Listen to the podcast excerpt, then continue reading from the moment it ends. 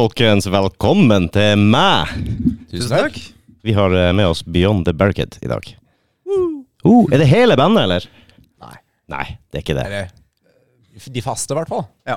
De faste, ja. Vi kan begynne med en liten introduksjon. Jeg tenkte dere skulle få introdusere dere sjøl i dag, siden det var så mange å holde styr på. Skal vi begynne her? Nei. Jo. Sier hva du heter og hva du driver med i bandet, så er jeg fornøyd. Jeg heter Stian. Hei, stien. Og jeg er luremus. Nei da. Spiller gitar. Luregitar i bandet. Ja. Ja, det er greit. Hei, Stian. Velkommen. Neste.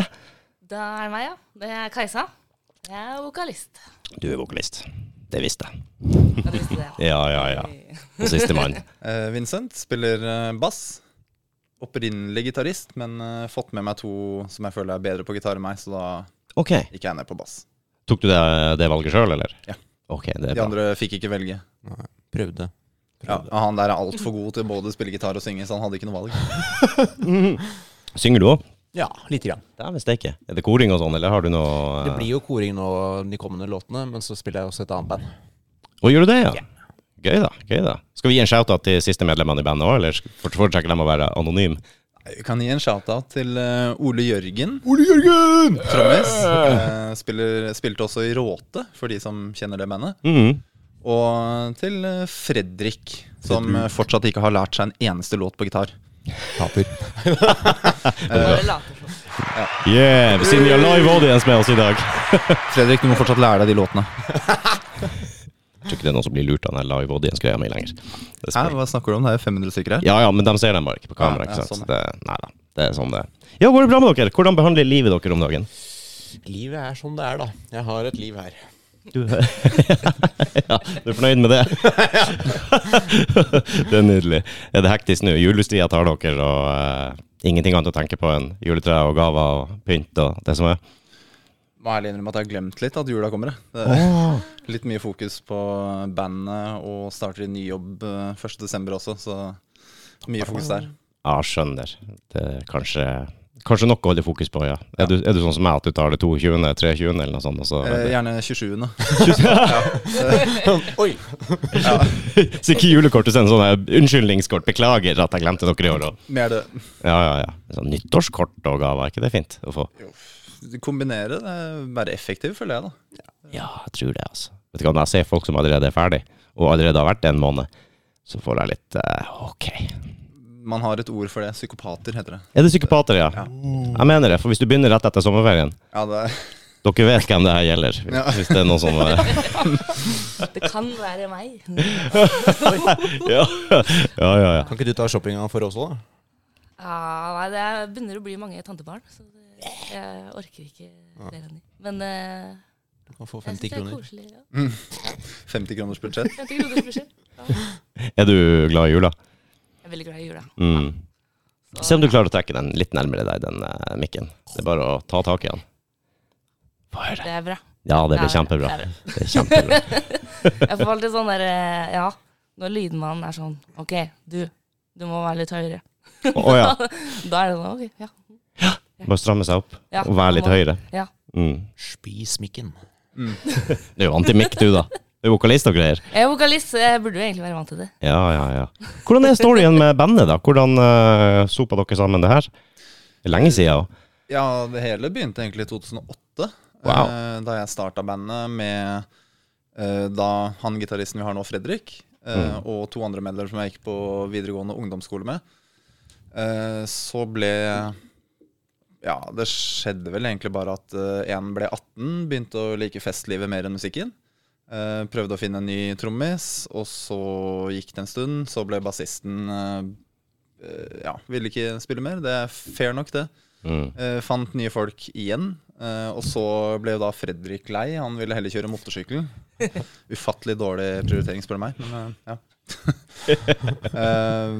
Og så måtte jeg søke til hele, hele lineupen på nytt, egentlig. Den ble ny i 2014.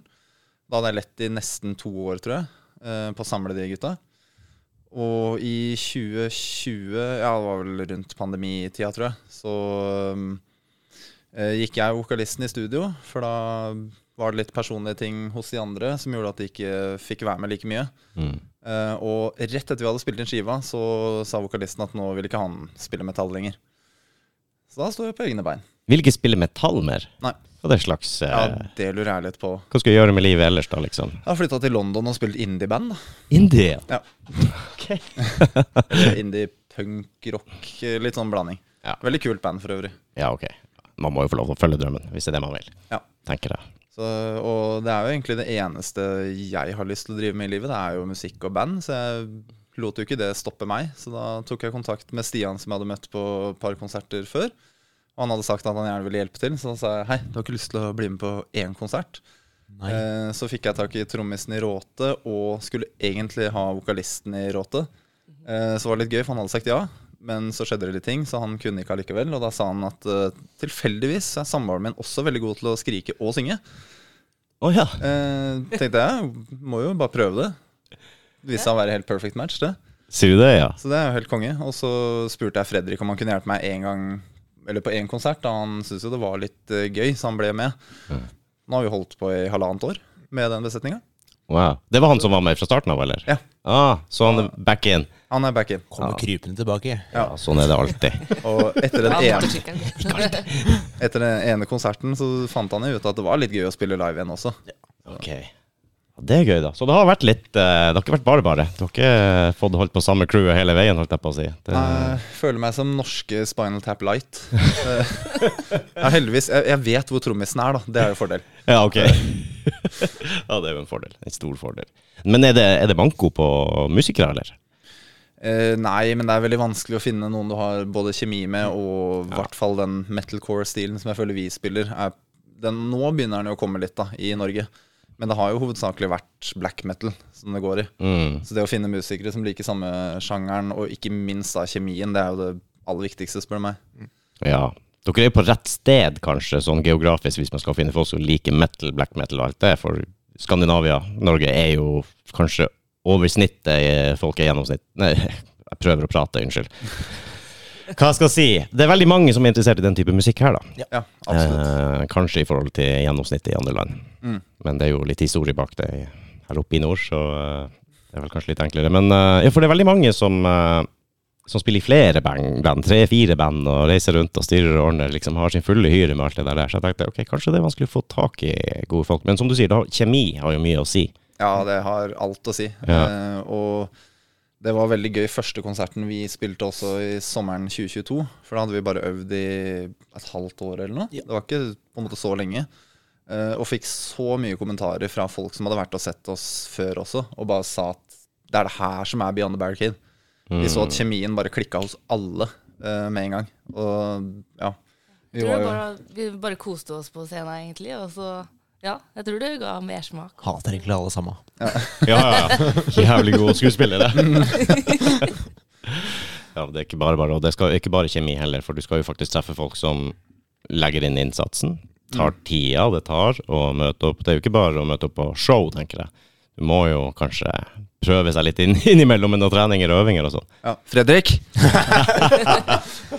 Nei, det, det også syns jeg er veldig gøy, for det er utrolig kompetente musikere jeg har fått med meg nå. Eh, vi har jo ikke alltid fått til så mye øvinger sammen fullt band, fordi folk jobber og livet generelt. Eh, men det viser seg at folk øver jo mye hjemme, for de gangene vi kommer på øving, så sitter jo ting ganske fort.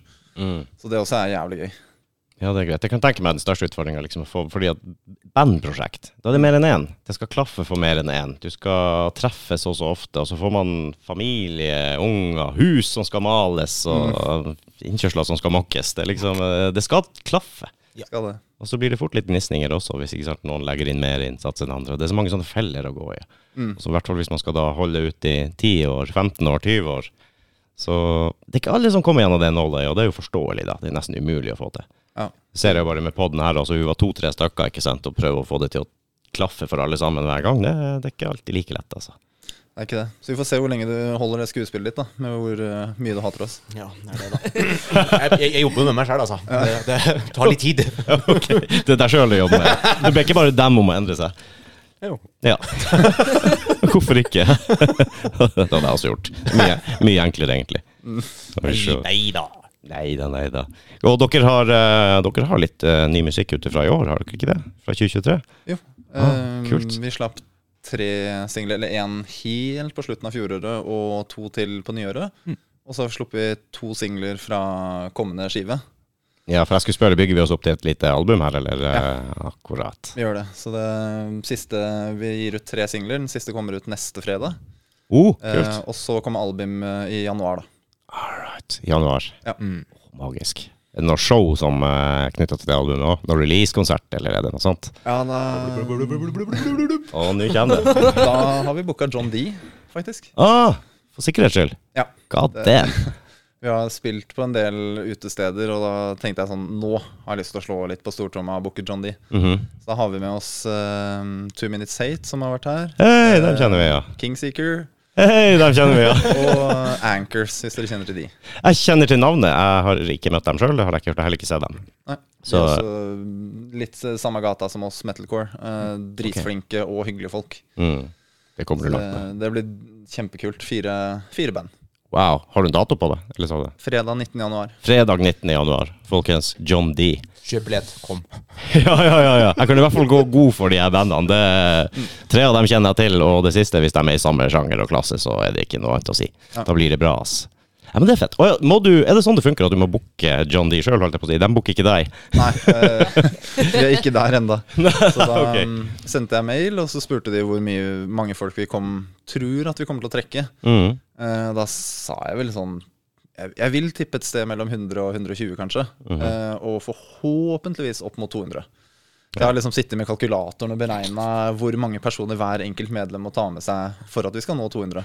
Ja, Så da må vi alle ha med 13 stykker. Ja, ser du der. Det, det er overkommelig. Det må være overkommelig.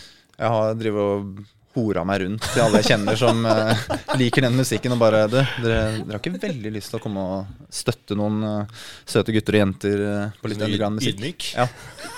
Så foreløpig har jeg fått uh, nesten 70 ja. Så Wow. forhåpentligvis får jeg med de. Ja, det hadde vært dritfett. Mm. Det hadde vært kjempefett. Er det full promotering nå, da? Ja. Ja. Og kjøpte akkurat uh, sånn promotering på Insta og Facebook for eh, et par tusen kroner. Så. Par tusen, ja. Ja. Inn i granskauen.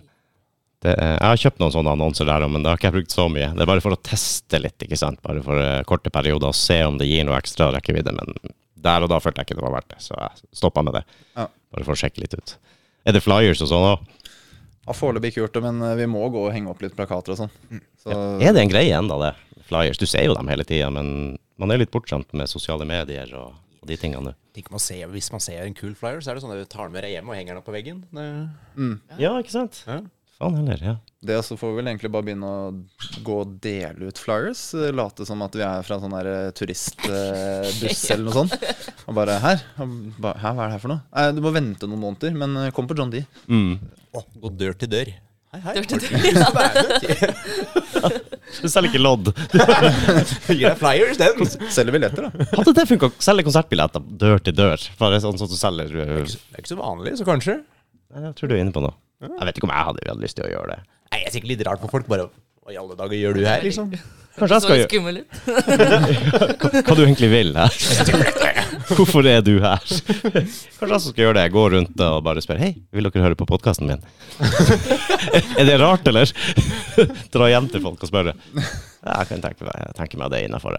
Ja, Ja. ja. Det vil jeg si. Ja.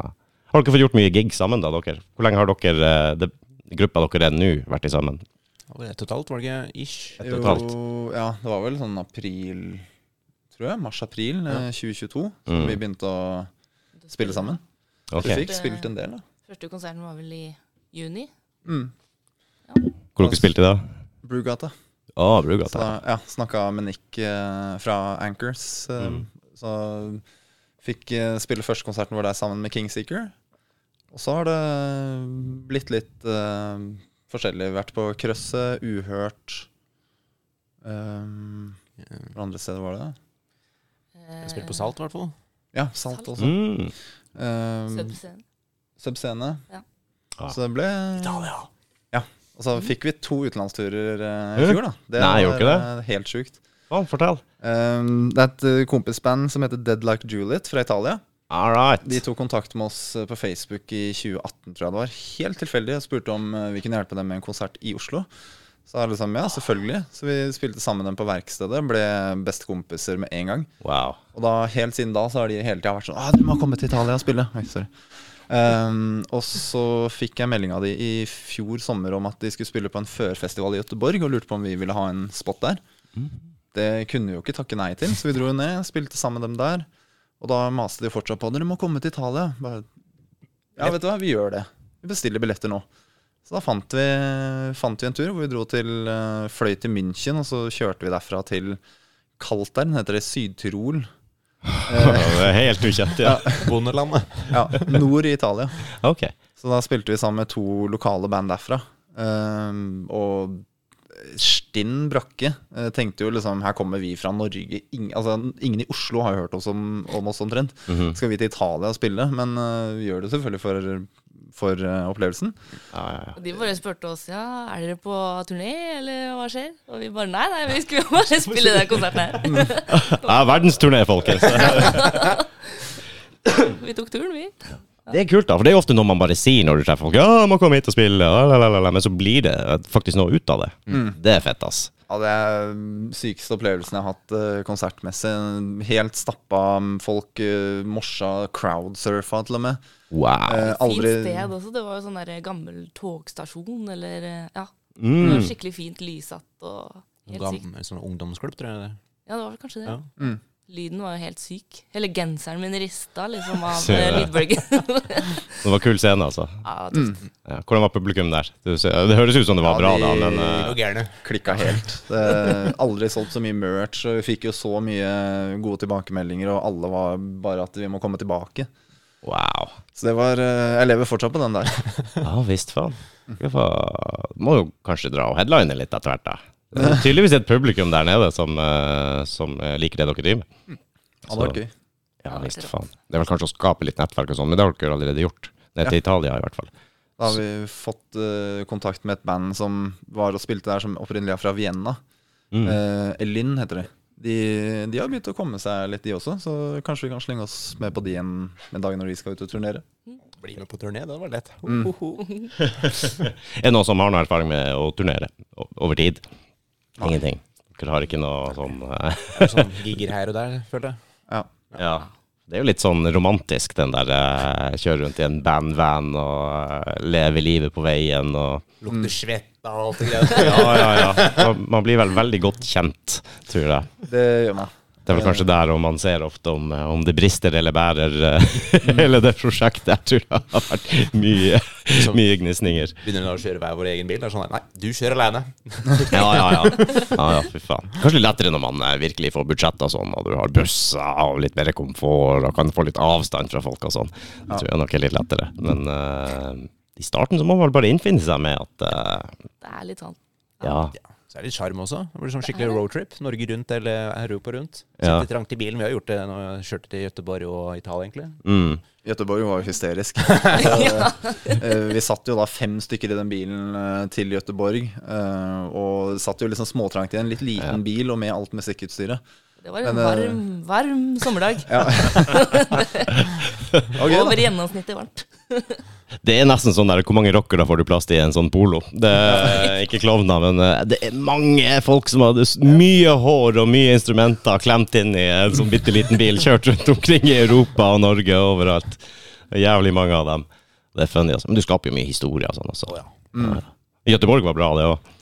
Ja, det var, eh, det var ikke så mye folk der, mm. men absolutt en veldig morsom opplevelse. Det som var synd når vi kom på hotellrommet, var ikke noe øl å få! Hæ? Ja, Potetgull fikk vi. Potet ja det, det, det er noe positivt. Ja, men- det. Hadde dere rider, da? Nei, vi fikk ikke det der. Eller vi fikk jo mat, mat og sånt, men vi er takknemlige for det. Det var bare vi hadde håpa noen av oss på når vi kom til hotellet. Bare sånn der, Kanskje én pils før vi skal legge oss. Ja, ja. ja. Men det, det fikk vi ikke. Var det ikke minibar, eller? Nei. Du måtte sikkert betale sjøl uansett. Det som er jævla skummelt, altså. Nei, men det, det, det er jo altså, Raider, jeg vet ikke hva jeg tenker om det. Det er noen som har det. Og de snakker jo akkurat om det nå, at det er veldig mange festivaler eller arenaer, kulturhus eller hva det nå er, som ikke serverer alkohol på riderne. Så uh, Backstreet, Girl, Backstreet Girls kunne ikke turnere mer i Norge, sto det. så jeg tror faktisk de bare gir faen, jeg. Ja. Ja, det er kult, altså. Du kan ikke nekte Backstreet Girls å drikke, tror jeg, før konserten. Nei, det, det høres ut som uh, dummeste du kan gjøre. Ja, jeg tror det. Men hva er greia? Er det Skal man passe på at like, folk ikke drikker for mye før de går på konsert? Er det Kulturarenaen sin jobb å gjøre det, på en måte? Eller er det greit at de tar et standpunkt og sier her serverer vi ikke alkohol til dere, sånn er det bare? Jeg føler det er veldig opp til en enkelt, liksom. Altså, så lenge du er dugelig nok til å spille, så Mm. går det. Mener at det er litt i overkant hvis uh, scenen kommer og sier vi serverer ikke noe til dere her. Ja, det, det kommer litt an på stemninga å stå, egentlig. Kanskje hvis de nekter dere å begynne å drikke i det hele tatt. Da hadde det jo vært litt rart. På et sted man kan drikke, så blir det litt rart, kanskje. ja. Ja, jeg kan i hvert fall stikke og kjøpe noe pils sjøl, da. Men uh, Nei, jeg vet ikke. Jeg vet ikke, jeg synes det er rart. Det er jo mange som liker en liten dråpe før de skal på scenen. Det er liksom Få en liten shot eller et eller annet, bare lugne litt. Mm. Så det kan hjelpe mange. Det fine med stemninga i Beyond the Barricade er at vi hyper opp hverandre, så slipper du å drikke noen ganger også, ikke sant. Ja, det er sant. Ja, det er hypen. Det er Ja. det som Ja. Er det noen av dere som noen gang har vært litt uh, for overstadig før du går på, og vært litt nervøs for det? Kanskje mer hangover, tror jeg. Hangover? Nei. Hangover, ja, kanskje ikke bra det heller. Å ha, ha litt sånn hodepine i dag. da. Dårlig planlagt å ta festen dagen før konsert.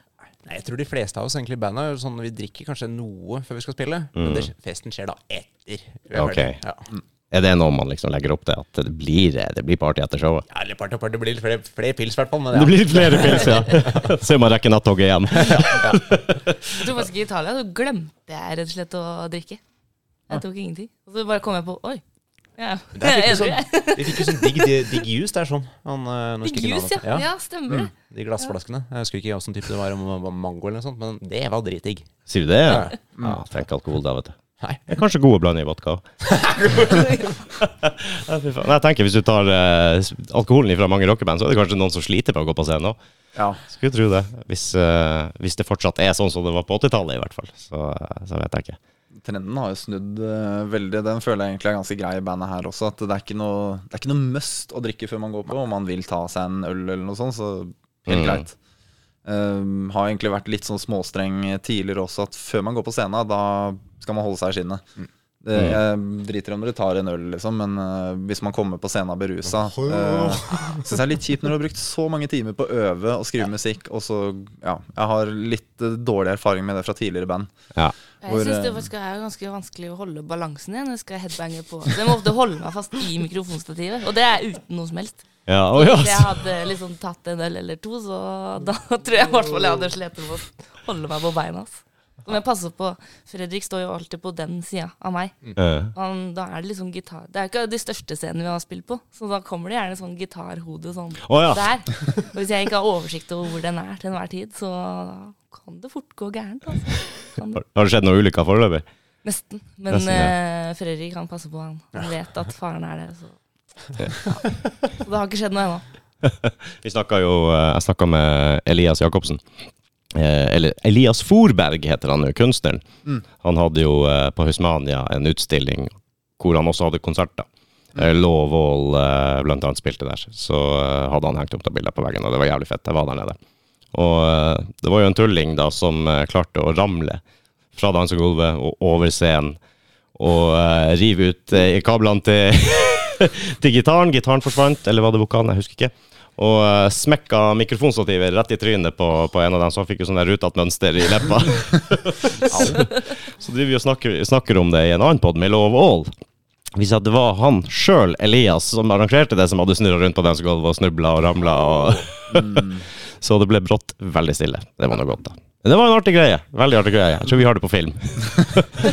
Kan bruke det som sånn utpressing. Ja, faktisk. Nei da, han tok ansvar for den han gjorde, altså. Det var gøy. Det var, faen, hvem andre som spilte på den kvelden? Jeg husker ikke det. Jeg husker Lovvold spilte der, i hvert fall. Det var den som var på scenen når det skjedde. Så det er vel det. Kjenner dere til dem, eller? Uh, navnet hørtes kjent ut. Ja. Fuzz, Fuzz Rock kaller de det. Tror. Ja, okay. jævlig bra. Den var kul. Bra live. Så anbefales absolutt. Så da fikk jeg en name-drop av dem òg. Veldig bra. Men du, hvordan kom du inn i vokal, egentlig? Å synge? Og du, jeg har jo hørt litt. Det er jo, Ja, det er jo bra. ja, ja, Ja, takk ja, for det. Takk for Har du det. noe trening? eh, Offisiell trening, eller er det hobby? Eh, Det er, eh, det er jo hobby, men jeg har gått til en uh, vokalcoach. Vokalcoach, ja. Ja. Ok. Katarina heter hun. Ah. Så Google Katarina vokalcoach. Shout-out til Katarina. Ja. Hun er, eh, hun er rå. Hun, er, eh, egentlig historien starta først med at eh, jeg digga metall. Jeg har alltid digga metall siden jeg var liten. Det var det, Så ja? var det en litt sånn eh, byggende Det bygga seg opp sånn frustrasjon. Jeg har lyst til å ikke bare høre på, men jeg har lyst til å gjøre musikk. Du ville være med, du. Ja, ja. Uh. Og så hadde jeg prøvd å klimpre på gitar litt, så, men jeg gikk jo lei ganske fort. Så var sånn, ja. Så tenkte jeg vokal kan jeg prøve. Så du leita litt sånn etter Ja, hvilken rolle du kunne ha, og Ja, det. hva du likte og sånn? Ja. Ok. Så uh, husker jeg øvde litt sånn på videregående. Så øvde jeg litt sånn for meg selv da, ute i skauen. Og så tenkte jeg nå, nå, nå jeg det, nå er det bra.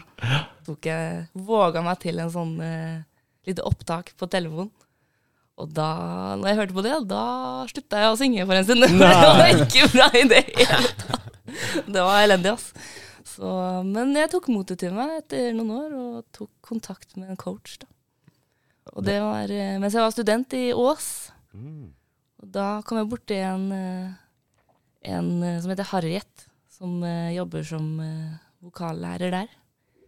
Og er utdanna i det de kaller for complete vocal technique. Complete vocal technique. Ja. Så det er en utdanning på det, faktisk, i Danmark. Ok. Så du kan, eh, ja, du kan ta en utdannelse der, og da kan du være sånn coach da, i den teknikken. Og det er sånn Ja, det omfatter ikke bare synging, men eh, all bruk av stemme, egentlig. Sånn Mhm. snakking, holde tale, teater. Så hvis du skal ha, være en sånn offentlig speaker eller noe sånt, så kan du faktisk få terpa Ja. litt der. Du kan faktisk det. Sånn, eh, så de har veldig fokus på sunn teknikk, da. Så de har Jeg vet på det, den høyskolen eller universitetet eller hva de nå kaller det i Danmark, så har de sånn folk som ser på Stikker sånn kamera ned i halsen på folk, og så ser de hva som skjer da, i halsen.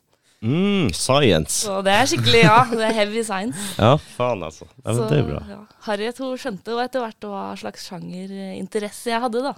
Så typisk når du går til en sånn coach, så skjønner de De, ja, de fokuserer liksom eh, timene på det du er interessert i. da. Det er ikke sånn ok, du skal lære deg å synge, da kjører vi klassisk, sånn som jeg som coach alltid har gjort det. Mm. Ja, det var det jeg lurte på også, om, Ja. eh, om du liksom må gjennom en sånn overall-greie, bare, hvor du liksom Ja. alle basene er der, og du, det er Ja. det vi skal lære. Eller kan man finspisse det litt på den retninga du sjøl ønsker? Og, Ja, det er eh, Det var en sånn eh, basic greie som jeg gikk gjennom med henne i Ås, da. mm. Og da lærte jeg sånn ja, støtte og forskjellige De har veldig mange rare navn på det i eh, Complete Vocal Technique. Da hvor de ja, har sånn forskjellige begreper på ting. Modes og sånne ting. Det er vel fagspråk der òg, tenker Ja, jeg. det er det. Som alt annet. Ja, det er jo det. Mm. Så Så- oss dødelige ikke skal skjønne hva de snakker om. Ja. Det er egentlig bare det utdannelsen er. Det er bare å lære seg de der uttrykkene og fagspråkene. Og så høres man jævlig important ut, og så Det høres veldig viktig ut. Og det er sånne der, eh, veldig pedagogiske plakater og sånn på det inni det rommet til den coachen. da. Uh. Og så, ja. Nå skjønte jeg etter hvert eh, ja, metal er greia di, skjønner jeg. Og da kjenner jeg en som også er, tar utdannelse da, i CVT, som er short for Complete Vocal Technique. Og det var Katarina. Katarina, ja. Ja. Så hun lærte meg da growls og screams og Åh. Er det en streng østeuropeisk dame, eller? Ikke Ja, streng kan man si. Nei, hun er ikke streng. Hun er veldig hyggelig. Veldig okay. snill. Okay. Kanskje en av de snilleste personene jeg vet om. ja, men det er bra. Ja. Kan være snill og streng òg, vet du. Ja, ja. Nei, men Det er alltid sånn når jeg skal lære om det er dans eller sang eller noe sånt, sånn klassisk og sånn, også, så er det en eller annen streng dame fra Øst-Europa som står og smekker deg der. Og, nei, ah, holdning, Ah, nei. Så egentlig så lærte hun deg ikke å skrike, hun ba deg egentlig bare om å hente et eller annet. Nei. Nei hun er, å være på teamet der, det er sånn You can do it! Jeg tror på deg! Du klarer det! Du er tøff! Det er skikkelig sånn, ja. Ja, du det får veldig sånn boost. Da. Ja, ok. Det er Så kult. eh, timene med henne, da, henne, da klikka det med en gang. Så vi fant ut at uh, growls, spesielt å uh, kombinere det de kaller for grunt og growl, Grunt. ja, det var det som funka best for meg, da. Så det Hva er forskjellen på grunt og growl? Kan du si? Ja, skal vi si. Hva skal man si? Er det når man skal lage et eksempel? Ja. Jeg får kanskje ha avstand til, eh, til mikken. Men ja, eh, grunt det er sånn Den Ja. lyden. Mens growl er Å å ja, så det er litt sånn forskjell på hvor du legger det, egentlig. Ja, det er to forskjellige sånn effekter, da, som de kaller det. Se der. Kombinere de to, da fant jeg ut at det funka for meg. Så vi bare terpa på det, da. Ah, kult. Og da det bare øvde masse på det, egentlig. Og så har det Ja, det ble jo lagt merke til, da, av eh, ulike folk som så etter vokalist. Så da Ja, hvis du har en, eh, en jente da som growler Det blir ikke kulere enn det, spør du meg. Ah, Nei, altså Det har blitt lagt merke til, det. Ja, det må jo være ettertrakta som faen, tenker jeg. Ja, uten tvil. Jeg har vært borti et par stykker, og det er kult, altså. Når, eh, når dere får til det. Det er magisk. Det er magisk. Jeg snakka med, med um, Wither, Wither Branch, Branch. Kent Ivan der, han har jo snakka litt om det. Han lærte seg å growle sjøl. Og Ja. Sånn helt, helt, helt i starten, og var vel litt sånn backing og sånn, så blåste han vel ut alt sammen på fem sekunder. Så gikk det fra kakemonster til Bjarne Betjent, tror jeg vi sa. gikk fort, han hadde ikke stemme igjen i det hele tatt. Er det noe du har merka, du? At du må liksom eh, lære deg å distribuere det utover hvis du skal gjøre en hel gig? Det er jo det det bra med å gå til ho Katarina, da, var at hun var veldig fokusert på at det skal aldri gjøre vondt. Så Mm. du lærer på en måte å holde ut over lengre tid, da. Så med riktig teknikk så skal det ikke gjøre vondt. Men eh, det, det er ikke alltid så lett når du på en måte pusher det litt da, over i noe du ikke kan så godt. Og gjerne over tid, fordi man trenger energi for å få støtte nok til å ha en sunn teknikk. da. Ja. Så når du blir sliten over en uh, periode, så kjenner du at da er det lettere å gjøre feil. Og med en gang du gjør feil, så kjenner du at det, da, det er lett å bli hes, da. ja, det er mye teknikk, sikkert. Det er det. Så man skal passe på å ikke pushe det over evne, for det er ikke bra. Nei, det kan jeg tro. Har du, hvordan var første gigen, da? Når du skulle opp og synge growle? Første gigen, eh, Min aller første gig, det var eh, med band. Det var som student. I, eh, jeg spilte med noen andre studenter i et metal-band Mm. i Ås. Så det var det var, det jeg følte jeg det var så mye energi der at uh, da oh. slapp jeg egentlig å tenke så mye. Ting bare skjedde, og det var supergøy. Så det hjelper egentlig bare å ha mye energi, bli gira av publikum og Kanskje det er lettere ja, hvis det er ordentlig trøkk, Ja. det er mye liv, istedenfor at det er veldig stille, og du skal snike deg ut på scenen der, og det er liksom eh, syv-åtte stykker som står gjemt i hver sin krok og skal se, altså, ja, Ja. så blir du veldig synlig der. Ja, energi er viktig. Det er veldig lett å overdo it. Da, at det nå, å si liksom til seg selv ok, nå må jeg trykke skikkelig på. Og så må du egentlig passe på å slappe av og Ja. ikke, liksom, ikke bruke opp all energien på én gang. Da Da kan det fort gå galt. Men uh, ja, nei, selve settingen rundt konsert uh, syns jeg hjelper på å ha en god teknikk, da. Ja, det er klart, det, det er jo basisen. Hvis Ja. du vet at du kan gjennomføre det, så gjør du jo ting mye lettere. I hvert fall for selvtillit da, og, Ja. og alt det Ja. der, og så er det egentlig bare å gå og gjøre det. Ja, Og så er det sikkert mye erfaring du plukker med deg underveis, Ja. som kanskje ikke kan læres bort. Ja, Så man- eh, det har hendt sånn rundt eh, Når det har gått sånn 20 minutter ut i giggen, da er det sånn Oi, nå kjenner jeg begynner å bli sliten. Og så er det sånn Nei, 20 minutter til. så da Å ja, ja, shit. bare hente, hente fram nye krefter. Ta med powerbank. Powerbank, ja. ja. Ja, ja, Faen, og det skulle man hatt, egentlig. ja. Finner du opp det, så tror jeg du har gjort det. da kan du kjøpe din egen arena og spille på hvis du vil. Ja. Det har vært nydelig, altså. Energidrikk pleier å hjelpe. Gjør det det, altså? ja, for meg gjør det det. Mm. Men hvis du skal ha noe for stemmen, er det noe du vet om som faktisk hjelper? Jeg tror eh, vann egentlig er det beste. Vann, ja. Ja. Ok. Så jeg har hørt et sånt triks hvis man har blitt skikkelig hes da, en Mm. eh, dag. Så jeg har hørt et sånt triks at man, hvis du puster inn sånn vanndamp Fordi hvis du drikker ting, så det kommer jo ikke i nærheten av eh, stemmebånda. Sånn. Hvis du drikker og så bare liksom prøver å Prøver å shake det. vannet. Ja, ja. Inhalere vannet. Det er kanskje noe med vann som bare gjør at du får litt sånn eh, Jeg tror det sitter mest i huet, egentlig. oppfriskning. Ja, men hydrering, kanskje det, har Ja, det kanskje det skjer noe med kroppen òg? Ja. Jeg vet ikke. Man blir jo tørr i munnen, da. Det har jo litt å si, da. Ja, ja, ja. Jeg har hørt mye sånn honning, og det er masse sånne Ja. ting som liksom skal være bra for halsen og sånn. Om det gjør noe med stemmen i seg sjøl, vet jeg jo ikke, men uh... Jeg husker jeg hadde sånn spray sånn som jeg hadde fått på apoteket. Smakte veldig godt. Men jeg hadde veldig troa på at det, det hjalp mot sår hals hvis jeg liksom kjente at jeg begynte å bli litt forkjøla eller noe sånt før en konsert. Så bare stemmespray. Ja, det Ja, ja. Det. Jeg tror hodet mitt var sånn Dette funker, og da funka det. Men når jeg ble tom, så slutta jeg med det. det var, Har vi annen idé? Stemmespray. Kan du, Stemmespray. Det, I dag skal være Johnny Cash. oh. Faen, det hadde vært nice, eller? Faen. Du har jo noen sånne heliumgreier som får stemmen din lys, men du har det andre greier som får den kjempemørk. Har dere hørt det? ja, det var. Faen, hva er det for noe igjen? Ja, den har motsatt effekt. Det er jævlig funny, ass. Jeg husker ikke hva det var. Ikke heller. Nei. Det hadde vært så gøy å bare brukt eh, Eller pusta Jeg vet ikke hva slags gass det er, men uh, prøvd å crawle med den. Bare så- inhalere alt sammen. inhale. I did inhale. Er det vel ingen som har tatt skade av å bare prøve alt? Er det det? Nei, nei, nei. nei, nei. Eksperimentering har jo aldri drept noen. Jeg vet ikke, altså. Jeg har jo sagt det mange ganger før. Du ser jo på mine forbilder jeg hadde fra 70- og 80-tallet, ikke sant, når det kommer til rock og metal. Og, ja, metal hadde du vel knapt på 70-tallet, men uh, vi snakker om forbilder i dag. Og å, man skal ikke bruke dop, og man skal ikke drikke, og du skal liksom eh, være seriøs, og la, la, la, la, la.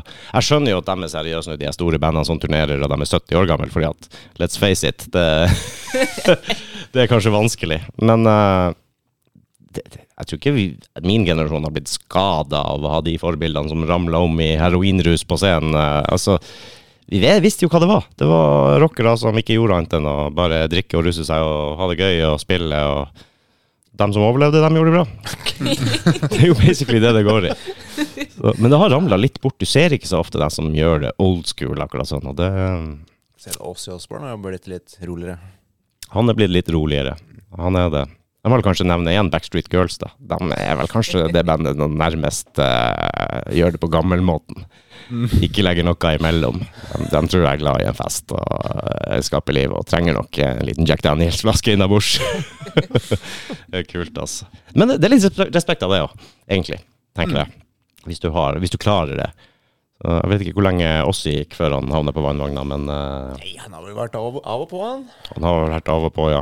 Ja, Du så jo nå han var hos tannlegen, og de prøvde å han eh, sånn lystgass for å få han til å Nei. Nei, nei de, han, legen ga han det som var lov og litt til, men det mm, mm.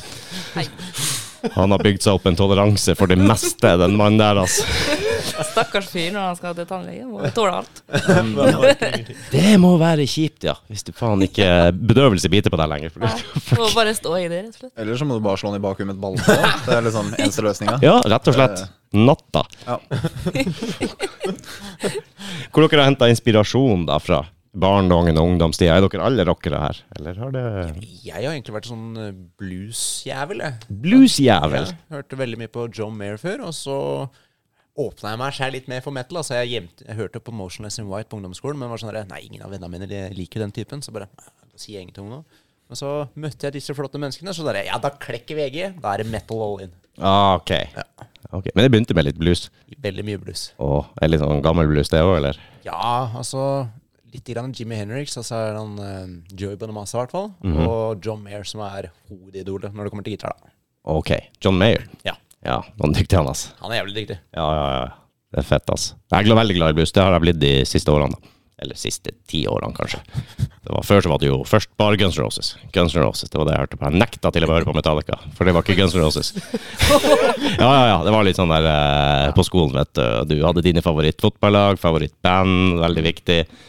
Og så klarte jeg å utvide horisonten litt når folk sa til meg at det er mye bra musikk der ute, du må prøve. Og testa, dyppa tåa litt. Ja, det er faktisk Ja, faen, Metallica er ikke så gærent, da. ikke sant? Og så dukka opp band etter band, og da klarte jeg å Ok, da er det rock, metal, det kan vi gjøre, men du kan ikke gå utafor det. Du kan ikke ha noe pop, du kan ikke ha noe blues, du kan ikke ha noe Altså ingenting annet. Det er sånn skikkelig sånn der Åh, hører du på P4, eller? Fy faen, her skal det mobbes. Men så blir man litt rundere i kantene etter hvert, da, tror jeg. Og uh, faren min var sterkt delaktig i det, da, med blues og sånn. Vi dro til New Orleans og fikk øh, være der og, med noen lokale og reise rundt og se på de her øh, lokale bluesgitaristene og musikerne som henger på hjørnene og spiller i pubene og barene rundt omkring. Fy faen. Da fikk jeg litt sånn God. Det var kult, altså. Ja, det er jo nesten helt med, med rota av, uh, av den type musikk. Det er vel nede i sørstatene der. Og det var fett. Det var veldig fett. Da åpna det seg en ny verden for meg, og Steve Ray Vaughan og BB King og de her gode gamle der. Det syns jeg var artig. Se de her Blues Brothers-filmene. Blues Brothers og Blues er Brothers 2000. Har du sett dem? Ja. Mange ganger. Åh, mange ganger. Det er så nydelig. Det er mye bra musikere med der. Helt ellevilt. Jeg kjøpte egentlig munnspill etter jeg tror det var første gang jeg så de filmene. Så var det sånn, jeg vil ha munnspill, jeg også. Ja! det er så jævla bra. Og hvordan gikk det? Jeg kan ikke spille det, men jeg kan blåse litt på det. Ja, ja, ja. Tar vi det for spytt etterpå. Det er sånn der, Det er jo noe vi må vurdere å ha med i Bjørn, da. Ja, munnspill. Ja, Ja. ja. Dum idé. Bra idé. ja. vi kjører det, vi. ja, da blir det litt sånn blues eller western uh, umiddelbart som preg over det. Hvis du tar Det det. var så skikkelig triplett det. Ja. Men det setter litt sånn kystpreg på det å ha trekk, sånn trekkspill eller et eller annet. sånt. Det hadde det sikkert vært. Met, trekkspill-metal, jeg tror ikke jeg har sett det før. Noen som har det? Sikkert noen som coverer, coverer noe sånt, men ikke som spiller det direkte, tenker jeg. Elektrisk jackspill, sånn som du har elgitar, jeg vet ikke. Er det Ikke sett noe. Ikke hørt om. sånn der, Det høres ut som noe han derre Igor eh, kunne ha gjort. Ja. Ja, helt sikkert et eller annet sånt. Ja, ok. Man skal jo være så Hva det heter Man må skille seg ut, vet du. Mm. Så man må finne noe, finne noe spesielt. Igor skiller seg nå veldig ut òg. Mm. Han har liksom alle typer sjangere i én låt. Og både han har DJ-brett, så blir det sånn scratching, og så Mm. går det fra liksom ja, klassisk til sånn metal, og så til barnemusikk, til eh, hva enn du ønsker å høre på. Mm. Ja, det er kult. Jeg er veldig, veldig fan når man klarer å få litt sånn preg over f.eks. et album, hvor du kan ah, mikse det opp litt. Ok, Ikke sånn at du setter inn en ballade eller to der, men, eh, men ok, la oss si her Ok, jeg har litt groove her. Det, ok, det er black metal-band, men de, de har en groove inni der, eller du, du kan høre elementer av andre ting kanskje i noen låter. Det syns jeg er dritkult. Ja, det mikser opp. Jeg blir veldig fort lei av en hel skive som har akkurat samme type låter hele veien. Det blir litt sånn Enkeltlåter er bra å høre på, men hvis du skal høre gjennom hele skiva på en kveld, så kan du bli litt sliten av det. Men hvis du klarer å mikse det opp med litt sånne der eh, andre elementer inni der, så på, på meg i hvert fall klarer du å fange meg, da, da, da, da kan jeg høre gjennom hele skiva. Enkelt og greit. Enn du, da? Er det, er det noen favoritter ute og går? Var du metalhead fra du var liten? Det starta vel egentlig rock. Fattern er gammel rocketrommis og gitarist. Ja. Eh, ikke noe sånn superkjente band, men eh, spilt eh, masse med et band som het Mojo Blues, sånn coverband. Mm. Eh, så der er det jo Ossie, Savatage, Skid Row, Motley Crew for alle penga. Wow. Eh, Så gikk det vel egentlig derfra til Jeg er jo oppvokst med MTV da det var musikk på TV-en. Ja, det var Så da ble det jo fort mye Eminem, da, for, for min del. Eminem. Ja, mye hiphop og rap. Eh, og så viste fattern meg Rammstein, uh, Live aus Berlin-DVD-en. Mhm. Ble helt frelst. Og så viste han meg Dimme Borger, og da ble jeg frelst. Så det gikk ganske brått fra liksom Eminem til Rammstein til Dimme. Hele spekteret der, nesten. Ja, egentlig. Uh, og nå så er det vel hører på ganske mye, men det går mye i både ekstremmetall, men også norsk pop. Ekstremmetall og norsk pop. Ja. Der er vi, Så det er vet du. liksom Heaven Shall Burn er et av mine aller største favorittband. Okay. Og Dagny og Anne of the North er to jeg hører ekstremt mye på. Det blir gøy å se din wrap-up på eh, Spotify. Ja, I fjor så tror jeg det var Anne of the North, uh, Dead by April, Our Mirage, Uh, sånn lofi hiphop-spilleliste som på en måte ikke var artist, da. Og også et til. Så det var, det var litt forskjellig. Mm. Dead by April, har ikke de akkurat vært her i Jo, på Vulkan. Ja, ok. Ja, stemmer det. Så spilte de faktisk på Blakerfestivalen også. Blaker! Ja. Det var der jeg sa det, for jeg bor ikke langt unna Blaker. Jeg bor på Sørumsand, så Bor du det, ja? Jeg var se ikke der. på den. det er fem minutter. Jeg bor ut mot eh, Rådåsfoss-området der, Ja. så eh, ikke langt unna. Nei. Jeg ble, ble veldig overrasket da jeg så at de skulle komme til Blakerfestivalen. Bare, sånn, hei. Ja! Og de kalte det for Blaker-festivalen. Blaker! Eller Blackear, var det. Blackear-festivalen. What? Faen, det stemmer. Vet du hva? Jeg lekte med tanken om å prøve å få kontakt med dem, og ja. ta et lite intervju med dem, faktisk. Men det fikk jeg aldri gjort. Så jeg gikk ut fingeren, rett og slett. Og så får man det ikke til. Det var, var du der, eller? Nei, jeg var ikke der jeg jobba. Ok. Ja. Har du sett dem live før?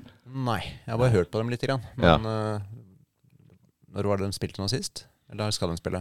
Eh, De har spilt i jeg tror det var september eller Ja, det var noe nå i høst. Mm. Jeg tror det var i samme sving som de var på Blaker, og det var vel i høst? Var det ikke det? Sen sommer eller høst eller noe? Ja. Tror jeg. Ok. De er ikke øverst på lista mi, altså, men det er kult. Det er veldig kult. Det er bra. Henger dere og Tar dere med dere det dere har gjort i barndommen og vokst opp med og sånn, når dere lager egen musikk, eller? Er det noe preg av det, føler dere? Eh, Lite grann. Prøvde på en singel vi Ja. slapp i tidligere år hvor Stian er med å synge. Eh, Mm. Da føler jeg at jeg prøvde å liksom ha litt den der klassisk rock-preget, spesielt på refrenget. Mm. Uh, og Stian har jo dritkul stemme som passer sånn klassisk rock-stil. Så jeg tenkte at jeg måtte jo ha han på den. Ja, det er bra. Funka. Ja, jeg syns det var gøy. Altså. Ja. Det er kjekt å ha litt, eh, en ekstra vokalist, altså. Ja Du visst. trenger Ja. litt backup og få litt pauser innimellom og sånn også. Det kan jo kanskje være en, eh, en strategi, rett og slett. ja, det hender det er noen sånne linjer som overlapper. Så Mm. ja, Så da er det greit å ha litt backup. Og en liten pustepause. Ta, Ja. litt, ta litt vann. Ja, litt vann. Det hjelper. Kanskje jeg skal anskaffe den der sprayen igjen. ja. Eh, Du, jeg spurte dere tidligere om jeg kunne spille av noen sekunder av eh, en låt. Ja. Hvis uh, det er mulig, så kunne vi gjort det. Så kan uh, folk hjemme også bare høre litt på hva dere driver med, og få et lite inntrykk av, uh, av hvem dere er. Så jeg tenkte jeg hooker meg opp, hvis det er greit. Absolutt. Har vi eh, en plan på hva som kunne vært lurt å, å få fram der? Eh, Den siste singelen vi slapp, var jo Callicent. en låt som heter Incalicent. Um, føler den er veldig sånn representativt både for oss som generelt band, men spesielt den kommende skiva. Mm. God låt. En god låt, ja. Skal vi se om jeg får eh, kontakt her. Jeg har hatt litt issues med den roadcasteren min i dag, det skal sies. Så eh, jeg håper at vi eh, faktisk får hooka oss opp her. Vi kan ta sånn akustisk versjon. vi. Ja, gjerne det! Spille på slurva og eh, Har du munnspill med deg? Det hadde vært fett, altså. Oi. Du, du, du, du. Jeg hadde hatt med munnspill, så hadde jeg nesten skremt meg sjøl. The new you. Det er bra. Da tror jeg faktisk vi er Vi er Mhm. Og for folk som sitter og hører på at jeg kuker til, så dere bare være tålmodige. I don't give a shit. Hvis, uh. Badass. Nyeste, Incalescent, var det du sa det het? Ja. All right. Skal vi se. Da kjører vi en liten Beyond the Barricades-låt her. Vi tar den fra børjan av, vi. Se om ikke vi får den opp.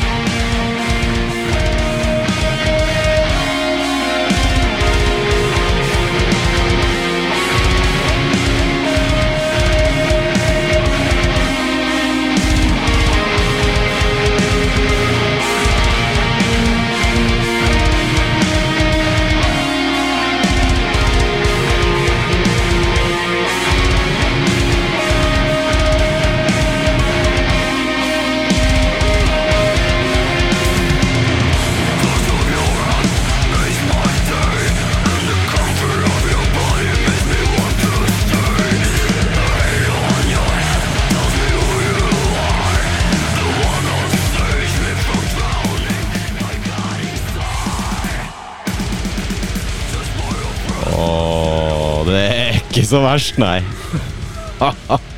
Faen, det svinger av, ass. Jeg skal ikke spille av hele låta, for folk må gå inn og sjekke sjøl.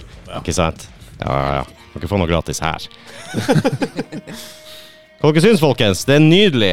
Gå, og, uh, gå på Spotify. Alt ligger på Spotify, ikke sant?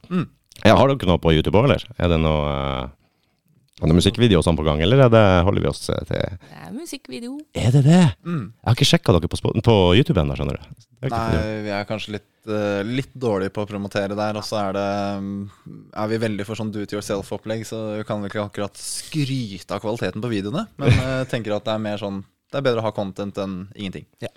Selvgjort er velgjort, altså. Det mm, står respekt av det. Altså, det- Syns det blir bra. Ja, jeg syns også det. Jeg har glemt å faktisk promotere den videoen, for jeg la den ut på fredag. For den låta her. Glemt å promotere. Ups. Ja, det funker ikke så ofte bestandig bare, bare legge det ut på YouTube uten å legge ut noe sånt hvis man ikke har Plutselig så skjer det bare Oi, 20 000 lyttere. Det er det. Oi. Det kan jo faktisk skje. Det er jo akkurat det. Du kan få litt grann, eh, medvind av en eller annen rar grunn. Det ser jeg også på helt random episoder plutselig. Hva faen som skjer her? Er det som skjer? så går det litt over igjen, da. Noen perioder. Ja. Nei, men dere har jo muligheten til å ha publikum over eh, hele verden, da. I hvert fall. Og det er jo fett. Det er jo mange som, band som Jeg elsker eh, rock på norsk. Metal på norsk. Jeg digger Og black metal og sånn, det kommer du eh, litt unna med. Men hvis du kjører vanlig rock, så er du på en måte begrensa til Norge, kanskje Skandinavia og sånn. Det vil jo kanskje reflektere seg på lyttertallene. Vil jeg tro. Ja. Så, men igjen, da. Hvis du har litt sånn Norwegian black metal, og så er det en eller annen fyr i Argentina som plukker det opp, så kan du jo ha gjort karrieren, ikke sant. Bare ta sånn søramerikansk turné, så Det er et eller annet med Sør-Amerika og black metal fra Norge. Det, Ja, er det ikke det? Ja, Det er så rart. Ja. Tok- Japan også er veldig sånn der på mu musikere eller nord nordmenn. Er sånn der spiller musikk. Ja, du, kom hit! Ja, nemlig. Det, er sånn, det var jo en jeg leste om, jeg vet ikke helt hvem det var, eller eh, Men jeg tror, tror han var musiker, eller hun. Og ingen i Norge har hørt om vedkommende.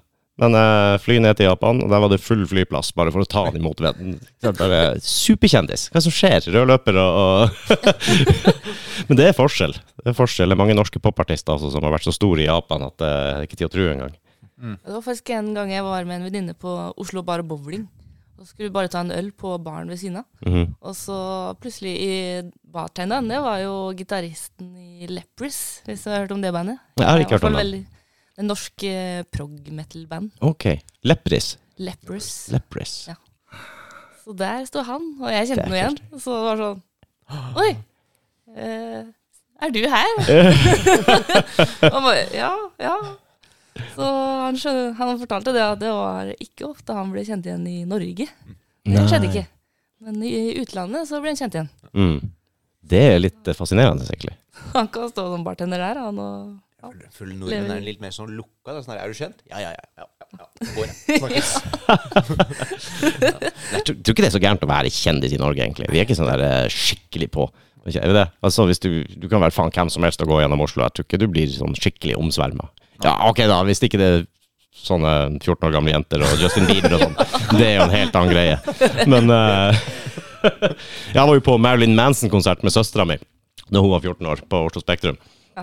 Med, med Hank von Helvete og Turbo Negro som oppvarming. Og jeg, jeg tror aldri jeg har hørt mer bråk på Oslo Spektrum enn uh, Marilyn Manson og gud vet hvor mange tusen 14 år gamle jenter som så og skrek. Men de høres faen meg. Det er helt crazy. Det var så bra. Det beste fra den konserten det var Hank von Helvete som når eh, tok av seg en håndkle eller våte T-skjorte han hadde på seg. Han var så gjennomsvett, liksom. Bare «Åh, skal kaste den til publikum. Og det bare åpna seg sånn der. Nå er plass der, og det bare landa på, ned på betonggulvet. Ingen sånn hertig som tar i den engang. Rest in peace, Hank. Den var, det var en lei en, ass. Jeg har sansen for han. Han var en fin fyr. Nei, det var artig. Det var artig. Men eh, nei, 14 år gamle jenter de eh, vet å lage show når de er på konsert. Det skal de ha. Vi kan kanskje bli litt sånn uh, inneslutta, vi nordmenn, av og til. Mm. Merkes det når dere var i utlandet og spilte òg, eller? At eh, det føles som om det er mer trøkk når man er der, eller eh, er norske publikum ganske flinke, dem òg? Eh, Det var en helt annen stemning i Italia. Ja, Mm. Eh, ja. Vi har jo ikke spilt for så mange her i Norge. Vi spilte en konsert på Verkstedet hvor det faktisk ble utsolgt. Så da var det jo 120 typ stykker, men det er noen år siden. Mm. Eh, Da var det for så vidt grei stemning. Da var det jo hovedsakelig bekjente av oss. Det var liksom ikke noen tilfeldige som liker metall. Mens i Italia så var det jo folk som liker musikken, og som ikke hadde hørt om oss før, som eh, bare syns det er dritgøy å være på konsert. Det må være en ekstra god følelse, altså. Ja, ikke det? absolutt. Eh, Jeg husker jeg skulle se mm, det svenske bandet Avatar. De Ja. opp for Stratovarius på Rockefeller for mange år siden. Og jeg dro utelukkende for å se Avatar, for jeg syns de er dritkule. Varma Avatar opp for Stratovarius. Ja, Veldig merkelig miks. Eh, Jeg likte Stratovarius på det tidspunktet også, eh, så jeg dro liksom for begge, men mest for Avatar. Og da de var ferdige å spille, så gikk jeg til merchen, og der sto Johannes, han vokalisten, så jeg sto og prata litt med han. Eh, Og han sa det, han bare Det var litt kjedelig publikum, fordi det var jo gjerne sånn fem meter fra scenen til første publikummer. Mm. Alle står jo helt stille der, og han, eh, Avatar er ganske flinke til å lage show. Ja, de har mye show. Det er vel en stor del av mm. I hvert fall med, med utseende og det. Mm. Det er litt kult. Stratovarius, ja. De har jeg vært på konsert med. Det var ikke bra, altså. Oh, Kanskje greit det var god før de spilte. det var dårlig, altså. Jeg har også hørt på Stratovarius siden jeg var liten, nesten. ikke sant? De er jo Jeg Vet ikke når de kom, men Nei, det vet jeg ikke. Men eh, ikke jeg likte den type musikk da. Mm. Nå blir det litt for kjedelig for meg, egentlig. Uh, jeg dro på konsert med dem og masse andre band, men det var så jævla tragisk. Men Avatar hørte jeg på en god stund også. Det er faktisk ganske kult. Ja, de er dritkule. Nå har jeg ikke hørt på de på en del år, men jeg husker jeg kjøpte første Den heter vel Slacht eller et eller annet sånt, den skiva. Mm. Eh, jeg lurer på når det er der hvor det er en låt som begynner med noe publikummer, og så hører du sånn klirring i glass, og så, er bare, og så braker det løs som faen med blast beats omtrent, og skriking. Veldig Mm. gøy. Ja, det er kult. Jeg tror nok jeg oppdaga dem på YouTube, faktisk. Ja, det, var, det er ikke sånn jævlig lenge siden. Nei. Det er bare noen få år siden. Hvor jeg ramla over noe Og det så kult ut, ikke sant? Hva det her er for noe? Avatar, aldri hørt om. Trykker på det. For dem hadde en kul musikkvideo, og det så litt fett ut. ikke sant? De har gjort en liten innsats der. Mm. Det tror jeg paya for før da jeg så de da på Rockefeller, det var ikke mange menneskene da, mens nå selger de jo ut venues, og de blir ikke ganske store.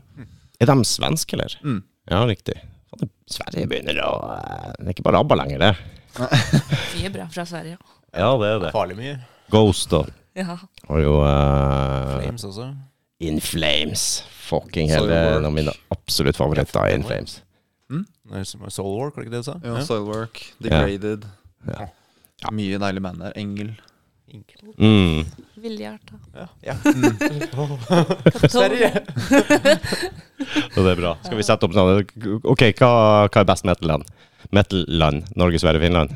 Tør vi, å, tør vi å kåre en vinner? Eller må vi ha en ordentlig faglig Jeg er jo nordmenn, da, så jeg vil si Norge. Vi Skal vi Barricade Norge. Ja. Vi, vi er mer på black metal, er vi ikke det? Jo. Litt, litt tøffere. Jeg syns Sverige er Det stemmer for Sverige. er ja. Sverige. Ja. Selv om Finland også har mye kult, da. Det er mye power metal og, Ja. og sånt, både fra Sverige og Finland, egentlig.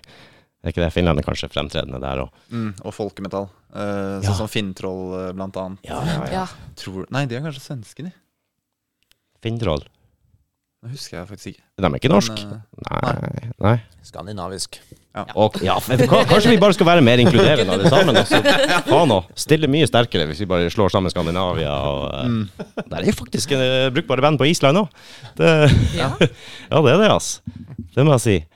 Uh, nei, vet du hva. Norsk black metal, det er ingenting, ingenting som står det. Jeg har vært på sånn platesjapper og sånn i utlandet også. Det, det er alltid en seksjon til Norwegian black metal. Det er jeg litt stolt av. det, er, det er ganske kult. Ja, visst faen er det det. det sånn som du sa du oppdaga Dimmu, var det du sa? Mm. Dimmu Borger. Når Første gang jeg oppdaga Dimmu Borger, jeg bare satt på en skive, jeg hadde fått av noen, tror jeg, et eller annet. Satte på. Oh my god, er det her for noe? Ah, hvor bra det var! De har noen liveshow som er helt fantastiske, altså. Mm. Ja, ja, ja. Da de hadde han eh, Hva var det han het for noe? En Baker, han trommisen. Mm. Han var vel både 2,10 høy og 2,10 brei, men eh, de dobbeltbasspedalene gikk jo så fort at eh, det brant jo under beina hans. ja. Helt sjukt å se på. Han sitter jo helt stille også. Det ser så latterlig ut. Altså, han er større enn trommesettet, og det, det går så fort at uh, Ja. Det er så kult. Det er kult, ja. Ja, det er ikke noe fasit på hvordan det skal se ut. Nei. Det kan være rimelig, rimelig heftig bak trommene for det, altså. Trommer. Jeg digger trommer. Jeg digger trommer. Ordentlig god trommesolo, altså. Det, jeg har vært litt fan av Tommy Lee hele livet. Det er både fordi han er en god trommis, og fordi han pulte Pamela Anderson. Det er liksom uh, Altså, hva mer skal du gjøre i livet, liksom? Tenk, tenker jeg. Dere trenger ikke å svare på det, altså. Hvis jeg så enkelt Meg neste. ja, ja, ja, ja, ja. Fy faen, altså. Og så nå er det innspurten mot plateslipp og full pakke. Er, det, er dere i hardtrening? Ja, vil vel si det. Eh, så venter vi på de siste mm, masterne på, fra låtene. Oh, ja. Det er ikke så lenge siden vi hadde siste innspilling i studio. Nei, så jeg begynner å bli litt sånn småstressa på å rekke det. Det- Det skal gå. Men Mm. uh, kjenner jo litt på det, at vi ikke har alt klart helt ennå. Mm. Venter fortsatt på merch også, som skal sendes fra Stavanger. Fra D2. Har ikke fått det ennå. er en liten roadtrip. Ja, ja, for det skal sendes hit, ja. Mm. Da kan du jo svippe bort og hente det hvis det er ferdig. Ja. Håper bare vi får det før eh, 19. januar. Det er litt, eh, litt kjedelig å ha stor releasekonsert, og så er det liksom ikke noe nytt. eh, Ikke ny merch, ingenting. Nei, Litt det, kjedelig. det kan være litt kjedelig, ja. Det kan det absolutt. Jeg vet ikke nå utover i desember og sånn, det går kanskje ikke jævlig fort med den posten. Nei, da var det satsa på å liksom bestille i sånn september-oktober for å få det tidlig. Mm. Jeg jo- jobber jo i Posten, så jeg skal passe på at den pakka kommer frem. jeg. Du får bare sperre all annen trafikk. Du, kan du påvirke? Nå er, nå er det jeg som bestemmer. ja, noen fordeler må man ha, da. Tenker jeg, da. Tante Turid får vente på gaven sin til etter nyttår. Ja. Det går fint. Det er ikke så farlig med de ungene. Eller, eller. Nei, nei, nei. Nissen hørte på metal, så han hadde ikke tid å komme. Nei, men det er faktisk uh, en greie. Det Jeg skulle bestille noe utstyr og sånn til noen kunder, og det var fire ganger prisen for frakt bare nå i desember, fra utlandet og hit. Oi. Ja, det var helt latterlig. Så liksom, kan vi gjøre det i januar, eller? For, eh, liksom, når frakta koster mer enn produktet, Ja. så, så er det ikke artig lenger. Æsj. Så det er merch, det venter dere på. Det, dere har den ute til, til mastering nå. Dere, det, outsourcer dere, albumet. Ja. ja. Så krysser fingra. Det burde jo egentlig være ferdig nå midten av desember, med tanke på at det skal gis ut i midten av januar. Sånn at vi har alt klart. Ok. Ja, jeg vet ikke helt hvordan de tidsperspektivene er, hvor mye tid trenger man og sånn, men det er kanskje greit å ha det ferdig så tidlig som mulig, egentlig, så du slipper å stresse. Ja. Det tror jeg er det beste. Er det noe annet som må tas tak i? Mm, nei, da er det vel egentlig bare å øve som Ja. bare det. Men det, det sitter greit foreløpig, så jeg er egentlig ikke noe nervøs. Nei. Så tror jeg det kommer litt når, eh, når vi først står på scenen og adrenalinet kicker inn. Så skjerper vi oss litt ekstra. Mm. Ja, for det er jo noen nye singler der ute som uh, dere har gitt ut, som skal fremføres òg. Det er uh, tre eller fire låter som vi aldri har spilt live før. Mm. Aldri har spilt live, ja. det blir veldig spennende. Ja, det er fett. Det er fett, altså. Det blir gøy. Er det, kan jeg spørre, hvor mange spor er det på albumet dere gir ut nå? Det blir ni. Ni spor, ja. Det er perfekt. Ja, vi tenkte egentlig ti, men så fikk vi litt, uh, litt uh, lite tid på klokka, så da tenkte vi vi stopper på ni, vi. Ja. Men det er fint. Jeg har alltid blitt mobba for å lage altfor lange låter, så det her albumet varer vel en ukes tid eller noe sånt, sikkert. Det, Det er bra. Det er bra. Ja, det, det er litt sånn uh, positivt og negativt, det med lange låter. Mm. Det er det. Av og til kan de bli for lange, men jeg har ikke noe imot en elleve minutters lang låt. jeg, Altså, hvis det Prog-metall eh, Ja. Da er, de like, da er de så lange som de skal være. Ja. Ikke korte, ikke lange, holdt jeg på å si. noen er korte, noen er lange. Nå, er andre, det er Men ja, det, i proggen så har de Ja. Her er det visdomsord på ja, ja. høyt nivå, ass. og det er bra. Oi, oi, oi. Bra det var du som sa det. ja, det var bra det var meg som sa det. Det sier jo hver gang. Oh my God. fra meg. Da. Hvordan har eh, festivalåret vært? da? Har dere vært på noen kule festivaler? Jeg tenker som, det, Ikke som eh, band, men som uh, deltakere. Var dere på Tons, for eksempel, i, i var sommer? det, Var det det? Ja. Var bra? Jeg syns det var bedre år enn i fjor, egentlig. Mm. Uh, Bird Tomorrow spilte det, Architects var der, og joina moshpitene ganske ofte. Ganske ofte. Ja. Men jeg syns det var et bedre år i år enn det det var i fjor, egentlig. For det var litt mer sånn metal-preg. Og jeg ser jo nå Ja. til neste år igjen, så er det enda mye mer med metal. ja. Så det blir Uh, ikke neste år òg. Leste gjennom lista tidligere i dag på det som foreløpig kommer, da. Kommer mye, mye mer. Det blir jo unektelig bra, det òg, tror jeg. Ja. Oh my god. Jeg får bare se om jeg får tid og ferdig i år òg. Det ble dessverre ikke Nei, neste år, mener jeg. Det var dessverre ikke mulig i, i år. Det er stive priser òg, da. Det koster litt, men uh, man får jo masse Altså mange band for penga, da. Så, sånn sett. Det gjør du. Hvis du skulle kjøpt en enkeltbillett til hver av de, sånn som Metallica, må du vel paye fort en tusenlapp for en enkelt konsert, liksom. Hele, Bare hele de. Ja. Ja, det er sant. Så, Jeg har noen venner i Finnmark, for eksempel, som hadde lyst til å ta en tur til Tons of Rock. Så kan du klaske på flybilletter til 8000-10 000 kroner, og så skal du ha hotell. Eh, hele, per- altså, det er feriebudsjettet, liksom. For eh, det, det er jo helt latterlig. Og så skal du ha da eh, billetter til Tons i tillegg. Da begynner det å Da må du planlegge det. Ikke bare å stikke innom. og hvis det da De flybillettene der, de Stakkars folk som bor i nord, tenker jeg bare komme seg liksom ja, til Oslo eller et eller annet sted. Konsert, da. Ja, det er ikke bare bare. Alle livsverkene, liksom. Og så er det jo mange som på en måte ikke liker det, at det er så mange små festivaler rundt omkring nå, fordi at det tar så mye vekk fra de store festivalene som betyr noe blæ, blæ, blæ. Vet du hva, for folk som faen ikke har tog, og det koster 10 000 for fly, så er det fint å ha en, eh, sånne små festivaler. Du trenger ikke å reise verden rundt for å komme dit. Det er langstrakte land her, og inni alle de fjordtarmene. Du skal jo kjøre deg i hjel hvis du Nei, jeg syns det er bra. Ja. Du har jo Midnattsrocken, som er der jeg er fra. I Lakselv. Fantastisk festival, altså. Det, ja, det er så nydelig midnattssol ute. Hvis du er heldig med været, så er det ingen bedre steder å være på festival. Det lover jeg. nice. Litt Jeg har sånn. hørt om folk som har vært på den festivalen, at det er skikkelig magisk. Ja, det er det. Som sagt, hvis du er heldig med været og myggen suger godt, så blir det så, så blir det god stemning, altså. Mye hjemmebrent i lavvoen da. det er kult. Ellers er vel Norway Rock den jeg har vært fleste ganger på, tror jeg. Rimelig overkommelig å kjøre fra Oslo og ned, og så var det ikke så stive priser der nede, og ofte veldig mye bra- band. Mm. De klinka jo skikkelig til noen år, det var helt latterlig. Jobba som frivillig der et år òg. Ja. Men da veldig uheldig, for vi kom ned tirsdag kveld, og festivalen begynte jo onsdag.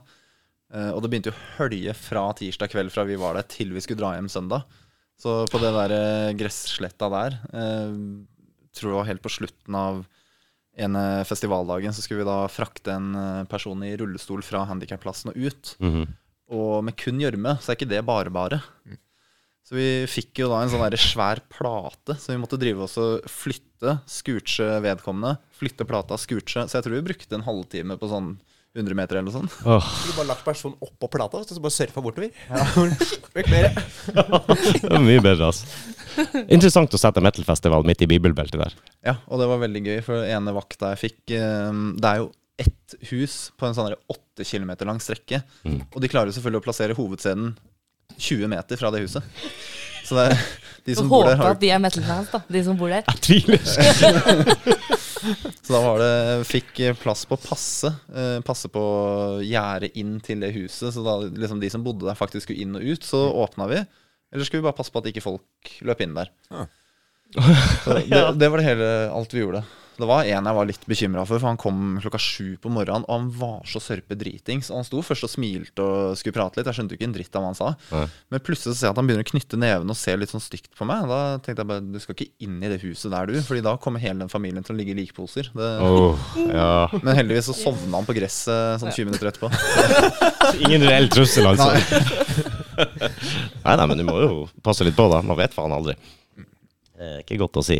Nei, det, men der, jeg tror aldri jeg har sett noen form for uh, ulumskhet eller slag. Jo, ulumskheter har jeg sett, men ikke slagsmål og den, den type ting. da, Det har jeg ikke gjort. Metallfolk er jo egentlig greie folk, har jeg inntrykk av. hvert fall. Ja. Ja, det har jeg snakka om mye før også, hvor det er jo alle enige, egentlig. Det er veldig inkluderende. Ja. Altså, du kan bli mobba hvis du hører på feil musikk, det er greit, Ja, men, eh, men du skal nå ha det bra for det. Ingen skal Ja. få bli ikke liggende alene i rennestein, eller at du blir skikkelig terpa på. Det gjør man ikke. Jeg føler det.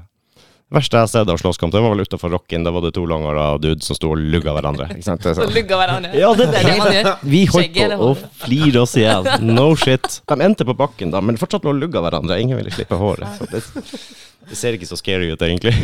Melk ut mer hår. Få inn håret ditt, da! Kanskje diskutert om Guns N' Roses var det eneste bandet man skulle høre på. Ja, kanskje det var det. Ja. Sa ikke at jeg var en av dem, da. Men det Nei da. Ja, fy faen. Jeg kunne bli skikkelig forbanna hvis, ikke- hvis det var noen som sa de ikke likte Guns. Det var et intervju på gata i Oslo i Karl Johan en gang om Det her er også mange år siden. Og da spurte de eh, blant annet om Guns N' Roses. Bare sånn random folk. Hører du på Guns N' Roses? Og da var det ei ung jente. Nei, jeg hører ikke på country. Jeg bare, For jeg liker ikke country. Så, nei, jeg har alt, alltid hata country. Men favorittbandet mitt er Guns. Så når jeg blir litt eldre, så begynner jeg jo å se hvor mye country egentlig det er i Guns. Det er jo veldig country-inspirert, egentlig, når du, når du begynner å bli litt kjent med det. Så øh, ja. Jeg syns country egentlig er litt koselig. Eller både den bygdefestmusikken og country. For det, det er kanskje mest fordi jeg kommer fra Ås, da. Eller har, Ja. ikke kommer fra Ås, men har studert i Ås. Så da er det bare Staysman og godt stekt pizza og Vazelina Bilopphøggers og den gjengen. Det, Ja. det er litt koselig også, egentlig. Litt jovialt.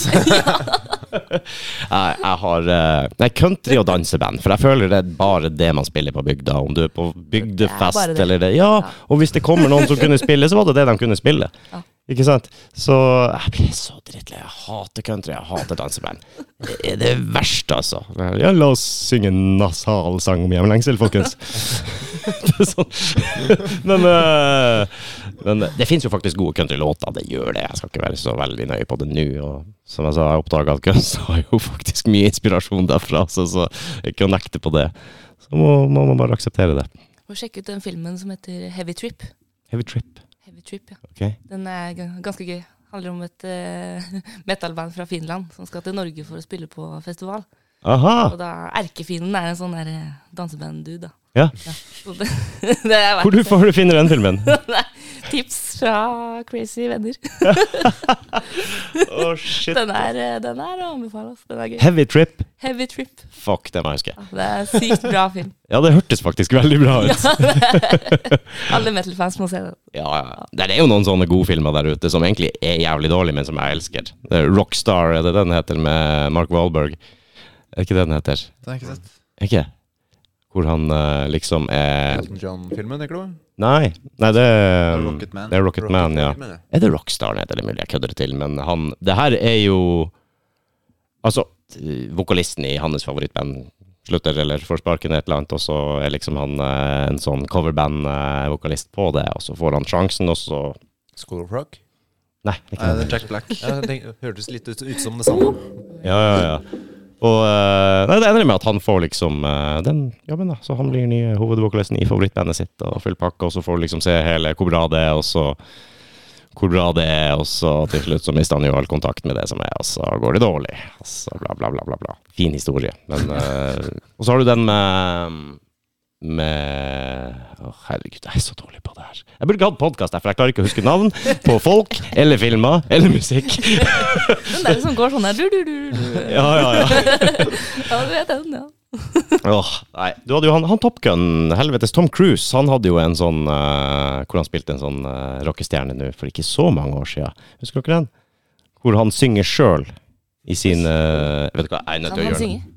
Han har Ja, han er bedre enn meg, men ikke sant? han har sikkert hatt de beste, de beste i bransjen til å lære han det akkurat i Helt sikkert. Ja, ja, ja. Skal vi se. Tom Cruise Tom Rock Nå er jeg veldig spent. Rock of Ages. Rock of Rock. Rock of Ages. Har ikke hørt den? Nei. Vi burde følge, Ellers- med på, følge mer med på film og sånn. Ja, ja. Rock of Ages, folkens. Her ser dere uh, Her ser dere han. Det var jævlig fett, da. Og så, Jeg kan slå opp den her òg. Mark Wahlberg, rockstar. Mark Wahlberg oh, jo, jeg tror jo. En 80-tallsfilm. 90, 90, jeg tror jeg har sett den. Jeg tror det må være 90. Ja. Ja. Med Jennifer Aniston, da, for faen. Ja, da veit jeg Ja, ja, jo. har du sett den, eller? Coveret så kjent ut, men uh, er det et band som heter et eller annet med sånn Dragon Jo. Uh, drag, er ikke Dragon Steel, Steel, Steel Dragon? Steel Dragon. Ja. Jeg tror jeg Jo, jeg tror det bandet han fikk uh, jobben i, var Steel Dragon. Det er liksom Ja. hovedbandet i den. Ja, det kan det være. Steel Dragon, ja. Tror du har rett. Tror jeg har sett den, men det er mange år siden. Ja. Og det er sånne to filmer som er eksempel på for så dårlige kritikker. Og jeg er så dårlig. Jeg bare sitter. Jeg elsker det! Det er så bra. Endelig noe innenfor min sjanger. Og det er bare masse sånn god 80-tallsgreier også der som jeg skikkelig connecter med. Det, nei, det, det er bra. Du har jo en sann sånn historie òg. Han øh, filippineren som, øh, som fikk gigen i eh, Jesus Christ, ikke sant? Husker, husker. Klarer aldri å huske. Det Var det med navn, ja. Ja, det var det med navn. Men der har du basically akkurat samme historien. Uh, originalvokalisten slutta. De fant en sånn karaoke-dude fra Filippinene som uh, var flink å synge, og sang de låtene og kunne dem. Fikk sjansen. Han er nå lead vocals i det bandet. Jeg har lyst til å si Journey. Journey, ja. Ja, for Takk. jeg så de på Sweden Rock etter de fikk han Yes, nye. det er Journey. Det var helt sjukt live. Jeg sto og tenkte bare Er det der samme fyren? Nei, ikke som original, nei. Det er jo ikke det. Han hadde forholdsvis lik stemme før jeg liksom snudde huet. Yes. Og bare, Nei, faen, det er jo en helt annen. Ja. Det var dritfett. Ja, det er bra. Han er virkelig god å synge, han er der. ass. Men det er liksom den sanne historien på den Rockstar-filmen, da. På en Mm. måte. Det er akkurat det samme. Det er, bare håper det går bedre med han, da. Fy faen, det er bra. Er det noen favorittfilmer ute og går? Eller sjangere? Må dekke det også før vi logger av her. Heavy Trip. Ja, ja, ja. Det kan jeg også si er min favoritt nå. Jeg har ikke sett den ennå, men uh, Det blir din favoritt? det blir det. Ja. Absolutt. Jeg er med på science fiction, egentlig. Skrekk og science fiction. Ja. Jeg er helt all in på det, altså. Vet du hva min favoritt altså, Dårlig science fiction. Jeg liker dårlig science fiction ennå. Men det blir, de blir jo komi. Ja, liksom. så hvis det blir sånn superstort budsjett, og, Ja. og det blir sånn voldsomt så, Nei, vet du hva. Sett seg ned en kveld, sett på en dårlig sci-fi, sånn, ikke noe særlig mye budsjett, og nei, da, da koser jeg meg, altså. Det, gamle splettere fra 80- og 90-tallet er jo også Halloween-filmen, i hvert fall. Det, Ja, jeg tenker på Brain Dead og Army of Darkness og uh, Evil Dead og alle de her gode gamle. Det er sånn skikkelig tomatketchup-filmer. og så dårlig, vet du. Jeg elsker det. Går, går det i sci-fi og horror, eller? Går mest i skrekk-horror. Det er, Er det bare jeg som er sånn fredelig sjel her? Ja. Jeg tror det. Jeg tror det. ja, men du, du altså. får utløp fra- for det på scenen av å skrike. Vi spiller jo bare noen strengeinstrumenter, Ja. så vi må liksom få kjent litt på den følelsen ellers òg. Det er gøy når du Ja. kjenner at du får frysninger av ryggen bare av å se på en skjerm. Ja. Så sånn paranormale ting. eh, En film som heter The Fourth Kind, med Milla Jovovic fra Resident Evil-filmene. Oh, hun er rå. Ja, eh, Det er en 50-50 skal man si, dokumentar og um, spillefilm sånn. Sykeste filmen jeg har sett. eh, elsker jeg sånn, eh, sånne ting. da Eh, Og da er det snakk om at du hører noen snakke sumerisk, som liksom skal være det første språket som eksisterte. Mm. Og du hører jo det da i en sånn stemme mens hun skriker. Åh, da, du, da kjenner du det. Ja, jeg kjenner det bare jeg prater om det. Det er jævlig interessant, da. Ja, ja, ja. Jeg må si det var, det var vanskelig å finne en god horror etter, eh, etter de gode, gode gamle Poltergeist og Exorcisten og, og det der. der. Det, så det når jeg var ung. Mm. Det er ingenting. Kanskje fordi jeg var ganske ung da jeg så dem. At det satt så jævlig stort preg. ikke sant? Jeg var nok litt for ung, kanskje. så eh, jeg husker jeg var på besøk hos faren min i Oslo. Han flytta ned hit, så brukte jeg å komme hit på sommerferie innimellom. Da var ikke jeg gamle gutten. Da snek jeg meg eh, til å sitte og se Chucky. og han hadde to bikkjer også i leilighet, da. Så når jeg gikk og la meg Jeg var ikke vant til å ha dyr i, i huset, så jeg våkna litt sånn Se skyggene foran. Liksom, jeg trodde min siste time Jeg sov ikke ett sekund etter det. Helt latterlig hvor redd jeg ble. Skulle møtt bikkja bikkja vår. Mm. Han, eh, han kan åpne dører, nemlig. Sier du det? Ja, og han eh, får egentlig ikke Han får ikke sove i senga sånn eh, Nei. på natta, egentlig. Så vi lukker døra. Og så en gang i løpet av natta så går liksom håndtaket sånn sakte ned. Å nei. Så hører du det Så ser du ingenting, fordi han er jo lav, ikke sant. Så det, oh, ja! Så det er ikke stor hund heller? Nei. Jo, han er for så vidt stor hund, da, men uh, han er liksom ikke Ja, det er ikke sånn menneskehøyde, da. Så det Nei. ser ut som døra bare åpner av seg selv. Og så. Ja. Bikkja mi, når han står på to, er høyere enn samboeren min. Oi, Ja. såpass. Så Hva slags hund er det? Uh, Amerikansk Akita. Ja, det er nærmere 60 kilo, tror jeg. Oi. Oi. Ordentlig, ordentlig bøs. Men uh, hun bruker å ha godbit, og så holder hun den sånn. Så skal han uh, opp, så går han opp på to, og så tar han begge hendene og holder fast i henne og spiser. Og da er snuten hans her oppe på henne, ikke sant. Skikkelig, skikkelig fining, altså. Men han kan åpne dører, så vi, han får ikke lov å være i, på soverommet eller i andre etasje eller noen som helst steder. Problemet er at den åpner vel ikke dørene med dørhåndtaket, han sparker inn døra. Ja, Ja, 60 bare, kilo bare Hvor faen er min?! han bare går igjennom. Nei, du får ikke sove i senga i dag. Hva sa du? Og så bare drar han deg ut av senga. Her skal jeg ligge. Ja, han fikk lov å ligge der noen ganger. Heldigvis så blir det for varmt for han. For eh, Ja. han er jo tre lag med pels og litt sånn polarrase, så det blir litt røy. Så han ligger der i ti minutter, så stikker han ned. Mm. Så eh, hadde vi katt der oppe også, vi har separert dem litt. Grann. Hun måtte jeg dessverre avlive på mandag. Nei. Hadde hun i 19 år. Tenk på det. 19 år, det er en del av God familien. alder. God alder. Fikk eh, nyresvikt. Så uh, hun var enda hva skal jeg si, frisk i den forstand at hun ikke hadde det vondt og spiste og var kosen og alt sånn, men det var bare uker igjen, så vi fikk beskjed om at det var nok lurt. Ja. Det er tøft. Det er Det er jo det vondeste. Uavhengig av hvor godt forberedt man er på det, så er det fortsatt vondt. Ja, for man vet det kommer, ikke sant, men Men det er jo bedre at de heller kan slippe og vite at ok, nå får de i hvert fall fred, da, enn å ligge og lide. mm, Skjønner ikke de dyreeierne som bare skal ha de i live kun for at det gjør vondt for dem sjøl. Ja. Og så tenker jeg, men dyret ditt har det jo ikke bra. Nei. Vi også gikk rundt Faen, ikke sant? Hun ser jo så frisk ut nå. Er vi for tidlig ute, eller? ikke sant? Men eh, så alle prøvene sier jo det samme, og dyrlegen sier ja ja, du kan kanskje kjøpe henne et halvt år eller et år til og med hvis vi går all in og endrer fôr og medisiner og prøver jevnlig og la, la, la, la, la. Men det koster jo deretter òg, da. Og hvor mye skal man skvise ut av en sånn liten skrott på 19 år, tenker jeg. Det er 92 år i menneskeår, da, for øvrig, så, så da får det være greit, tenker jeg. Hatt et godt liv, da. Ja da, hun har godt liv, så ligger eh, begravd hjem eh, på sine egne jaktmarker. Så såpass må det være, tenker jeg. Ja. Ja, det er tøft når den går.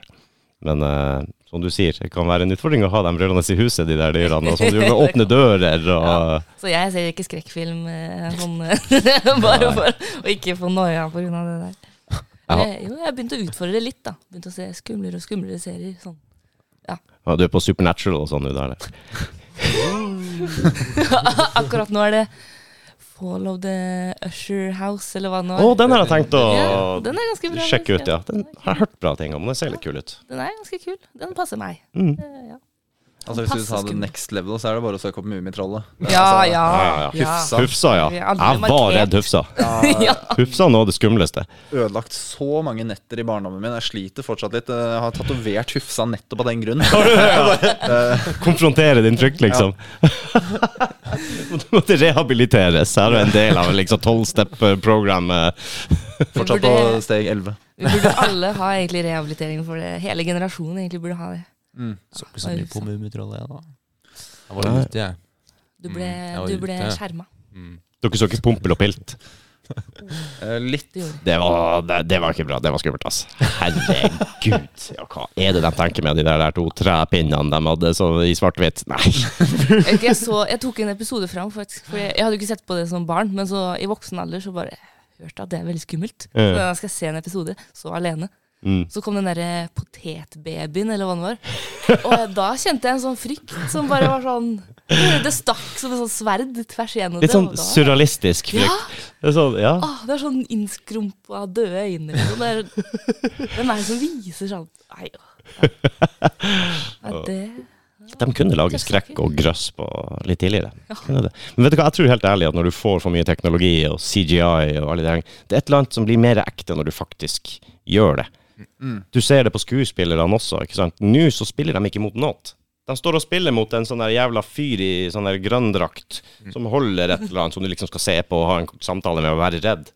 Så du klarer, du klarer ikke å forholde deg til det. Du, mens i gamle dager så var det faktisk en jævel som hadde kledd seg ut og blod og gørr og bla, og du fikk så mye mer eh, kanskje relasjon til det. Jeg tror jeg leste en sak om det der også, at det er vanskeligere for skuespillerne å connecte liksom ordentlig og få ut virkelig de, den skrekkopplevelsen da. Fordi at de ser ikke det samme som vi ser. Alt er jo lagt inn av CGI og det som er. Det er litt som å ta Når vi har tatt bandbilder, og så står liksom bak fotografen så står Ole Jørgen sånn Ja. Og vi skal liksom se veldig seriøse ut og sånn, men det er jo umulig. Det, blir sånn derre Det er sikkert litt samme greia. Ja, det er sikkert det. Jeg tror ikke jeg hadde klart å holde meg seriøs hvis en fyr med mye prikker liksom hadde bare Å, for meg. Ser dere enda på barne-TV, da? Se på Adventure Time, i hvert fall. Oh, ja. Barne-TV. Paw Patrol her. Peppa Gris og Ja, det har vært gjennom det. Ja. Kødder ikke med Peppa Gris, ass. Nei. Han, eh, faen han heter Vegard Trygdeseid eh, hadde kommentert på 'Ikke lov å leve på hytta'. Jeg har ikke sett akkurat det klippet, men han hadde helt ut av det blå bare Visste du at Peppa Gris vant uh, Nobels fredspris i fjor? Peppa Gris, ja.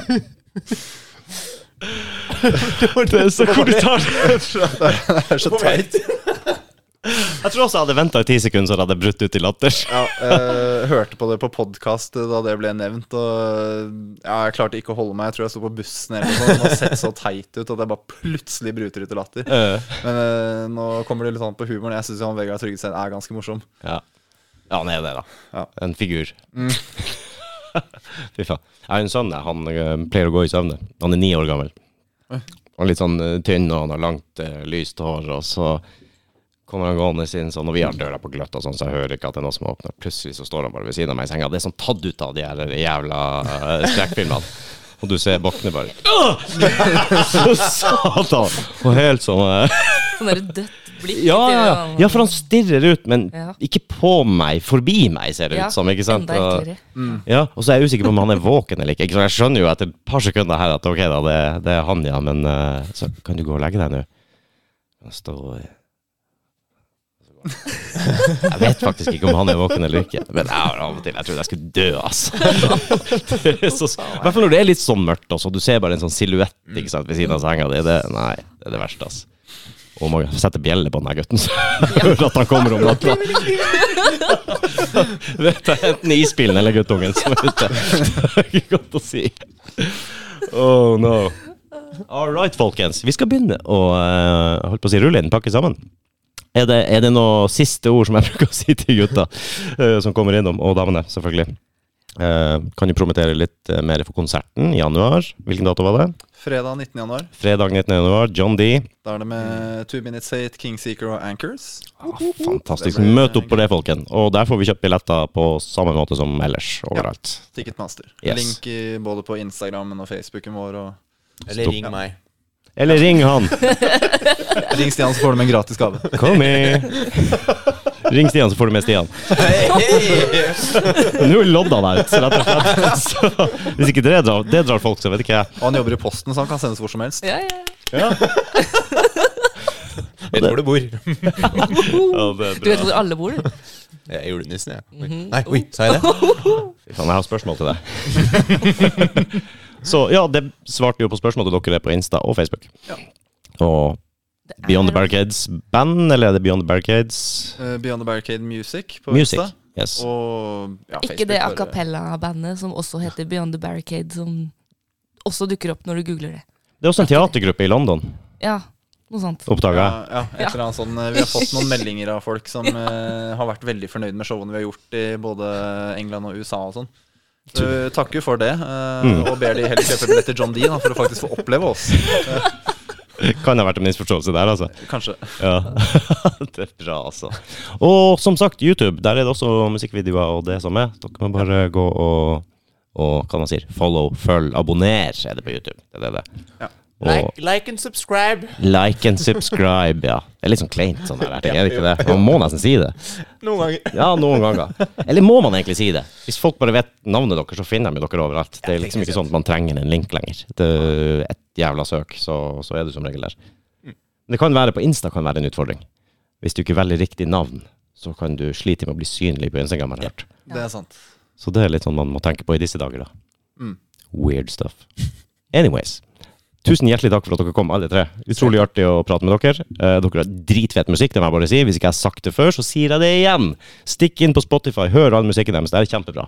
Norsk, ekte rock. De synger ikke på norsk, men det er norskprodusert, og det liker vi.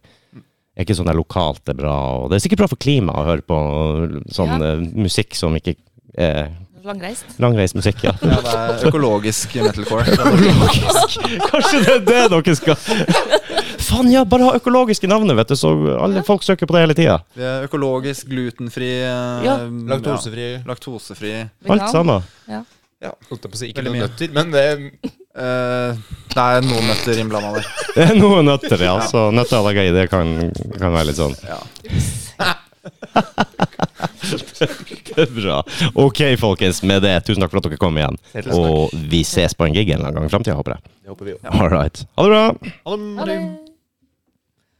Ha det.